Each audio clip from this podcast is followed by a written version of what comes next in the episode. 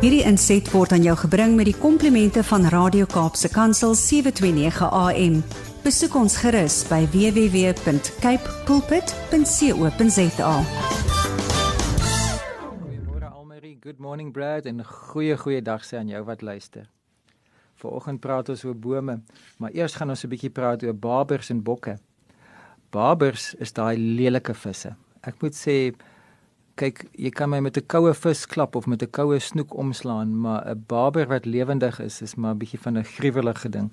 Dis amper soos 'n groot kokkerot, maar net met vinne en hy kan onder water oorleef. Nou, die liefhebbers van babers, ek het geen vernyn in my hart nie en solank die baber bly waar hy moet bly en ek bly waar ek bly, is daar vrede op aarde. Maar uh, ek moet sê dat ehm, 'n um, baber is nie 'n mooi ding nie. Bokke daarteenoor is besonder mooi. En ek was nou net besig om in 'n gesprek voordat ons hierdie opname begin maak het uh vir vir Brad te sê dat ek het al die jare nou maar groot geword met kontemporêre Afrikaanse liedjie skrywers wat uh, rooi rok bokkie ons wil heel nag sokkie en uh, allerhande weergawe van bokkie en bokkie ek wil by jou lê en 'n loslap bokkie. Nee wat ek ek kan nie eens die lirieke almal reg onthou nie Maar eh, die die die die metafoor van 'n bokkie is bekend dat jy dan nou vir 'n jong dame of vir 'n meisie of vir 'n uh, jou verloofde of dan selfs vir jou vrou sou sê bokkie en dis 'n baie mooi noemnaam. Ek dink in baie huwelike is bokkie is is uh, wat die Engelse dikwels sou sê, "Yes baby, I'll I'll I'll help you to uh, go and wash the dishes." sal hulle sê ja my bok ek is nou daar. Laat ek net gou-gou die vleisie klaar braai en net gou die rugby klaar kyk en net gou-gou nege rondes golf gaan speel en dan gaan ek baie graag vir jou help om jou skoon te maak. Nee ek is nou ek is nou besig met met 'n bietjie satire. Ehm um, nou dan wat ek wil, wil uitkom is dat ek het nie besef hoe hoe akkuraat die term die vergelyking is tussen 'n bokkie en 'n 'n aantreklike dame nie want ehm um, as 'n mens nie groot word in die veld of in die uh, naby die bokke kom nie dan besef jy nie maar hulle oogwimpers en hulle oogies is regtig nogal uh sagkens. Nou ek het die voorreg gehad my broer en my suster het vir my die geleentheid gegee dat ons was in Marlow Park gewees. Dis 'n privaat natuurreservaat uh wat grens aan die Kruger Nasionale Park.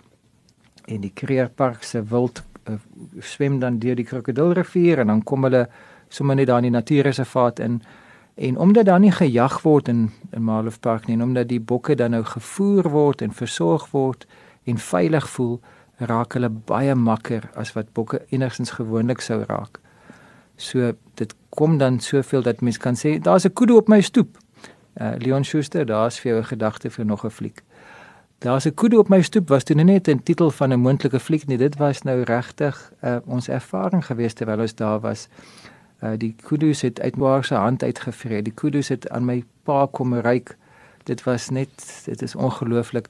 Nou ja, die die die kudu ram met sy geweldige horings. Ons het nou nie probeer om uh, extra piercings te kry en uh, te kyk of ons nou kan 'n society word nie. So ons het hulle maar so 'n bietjie op 'n afstand gehou.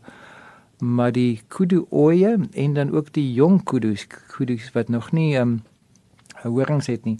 Hulle het ons laat kom tot by ons en uit ons hand uit het hulle geëet. Dit was regtig 'n ervaring. En dan sien mens daai oogies en dan besef jy, maar bokkie oogies is regtig nogal 'n realiteit.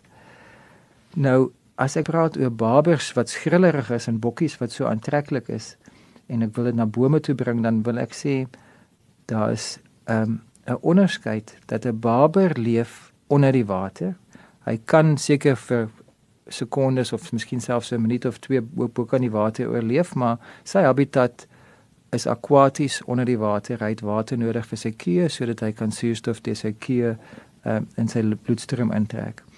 Bokke leef in die veld of in 'n natuurreservaat of dan ongelukkig soms word hulle in hokke aangehou en dit is natuurlik nie ideaal nie. Maar hulle beweeg vrylik rond in die veld.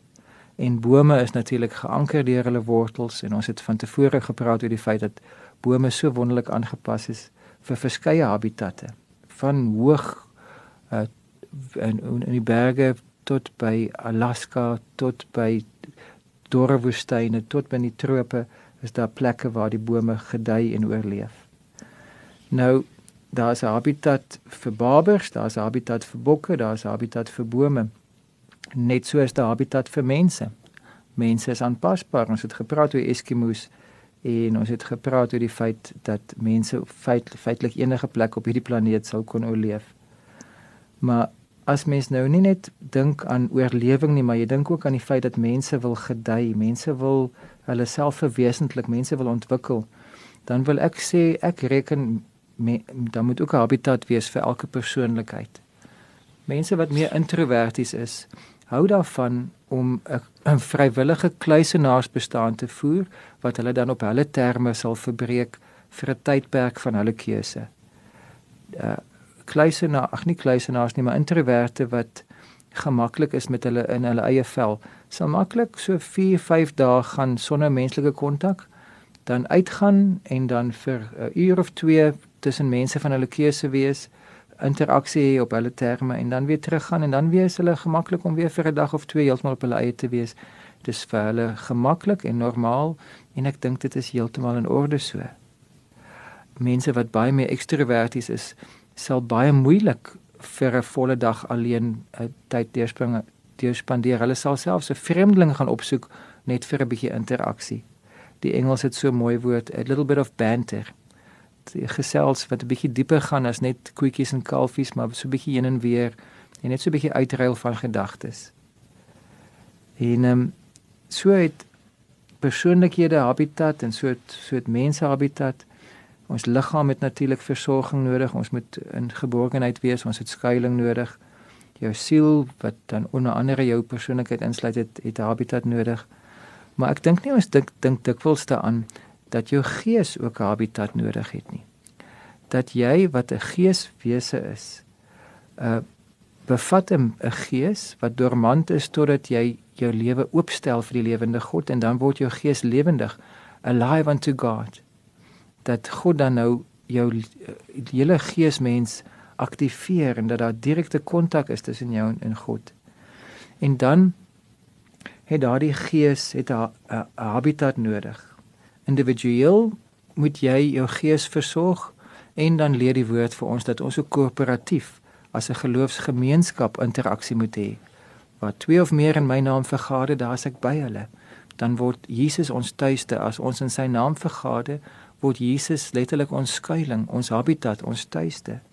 Wanneer ons dan in sy naam bymekaar kom in 'n selgroep of in 'n Bybelstudiegroep of in 'n omgeegroep, dan is hy in ons midde wanneer ons dan vergader vir 'n erediens of vir 'n vir 'n koöperatiewe belewenis van aanbidding en van woordverkondiging, dan maak hy sy teenwoordigheid bekend in ons midde en ons gees word gevoed.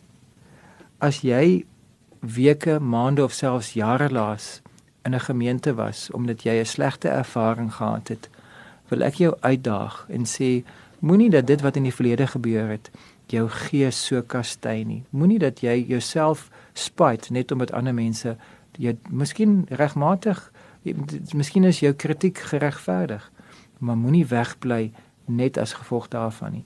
Maak 'n skoon begin. Kry jouself in 'n rad en kry vir jou 'n plek waar jy tuis voel. Al moet jy 'n paar plekke besoek al moet dit al vat dit vir jou moeite. Ons doen moeite voordat ons 'n motor kies. Ons doen moeite selfs voordat jy 'n selfoon kontrak aangaan en jy kies vir kyk na verskillende modelle Hoekom kan ons nie dan nou ook kyk na 'n gemeente of twee en kyk waar is daar mense by wie ek kan aanklank vind? Waar is die woord word die woord verkondig op so 'n vlak dat ek voeding kry? Waar is die aanbidding in 'n styl waar ek regtig kan uiting gee aan my geloof? Don Francisco 'n gospelsanger wat ek beskou as enig in sy klas. Hy het 'n pragtige lied gesing, Give Your Heart a Home.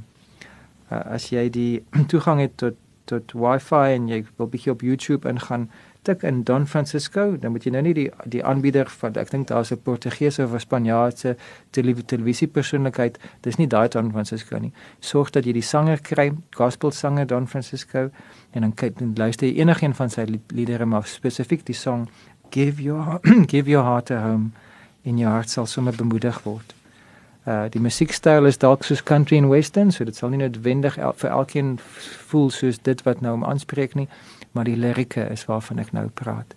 En as jy dan nou ander musiek soek, daar is style van enigiets van Christen boere musiek tot Christen heavy metal. Jy kan moenie net dat jy vashak net by een styl van musiek nie. Dit is die jare waar dit net die kerkorgel was wat gewyde sang begelei het. Daardie jare is kosbaar, maar daar is nou 'n verskeidenheid van musiekstyle. Ek sê dit nie in enige kritiek nie. Ek dink Bach is van die uitstaande geestelike komponiste komponiste van orgelmusiek en dit kan jou regtig begelei in 'n geestelike ervaring. Maar moenie dat dit jou enigste styl van musiek wees nie. Sprei jou vlerke in terme van jou geestelike musiek. Voordat ek nou heeltemal op 'n sylyn afgaan oor musiek, terug na die feit dat ons gees 'n habitat nodig het. Jy kan sê maar die Here is my tuiste, die Here is my en as jy dan dit meer uh, eg wil ervaar, as jy meer daagliks meer uh, die mooi Engelse woord is tangible wil ervarings daarvan hê, dan is Kolossense hoofstuk 3 vers 16 een van die sleutels wat jy kan gebruik. Johannes 3 vers 16 is bekend, so nou moet jy net na 'n ander boek toe blaai, Kolossense hoofstuk 3 vers 16. Ek lees uit die direkte vertaling. Laat die woord van Christus in sy volle rykdom in julle woon. Leer en vermaan mekaar in alle wysheid deur met dankbare harte psalms, lofgesange en geestelike liedere tot eer van God te sing. Kolossense 3 vers 16. Laat die woord van Christus in sy volle rykdom in julle woon. As jy wil bewus wees van die feit dat jy 'n tuiste het by God, laat dan die woord van Christus in jou woon. As die woord in jou woon, gaan jy meer tuis voel by Jesus, gaan jy meer bewus raak van sy teenwoordigheid. Kom ons gesels met hom daaroor. Koning Jesus, ek wil U toelaat dat U woord ryklik in my sal kom woon. Dat U woord met my sal praat, dat psalms, gesange, geestelike liedere, allerlei geestelike musiek en selfs enige musiek dat U dit sal gebruik om met my te praat oor U liefde vir my. Ek maak my hart oop en ek sê vir U dankie. Thank you that my heart has a home with you. You've given my heart a home. I'm not an orphan. Ek is nie 'n weeskind nie. Ek is nie 'n bosslaper nie. Ek het 'n tuiste by koning Jesus hier op aarde en dan eendag in die hemel. Dankie Jesus. Amen. Hierdie inset was aan jou gebring met die komplimente van Radio Kaapse Kansel 729 AM. Besoek ons gerus by www.cape pulpit.co.za.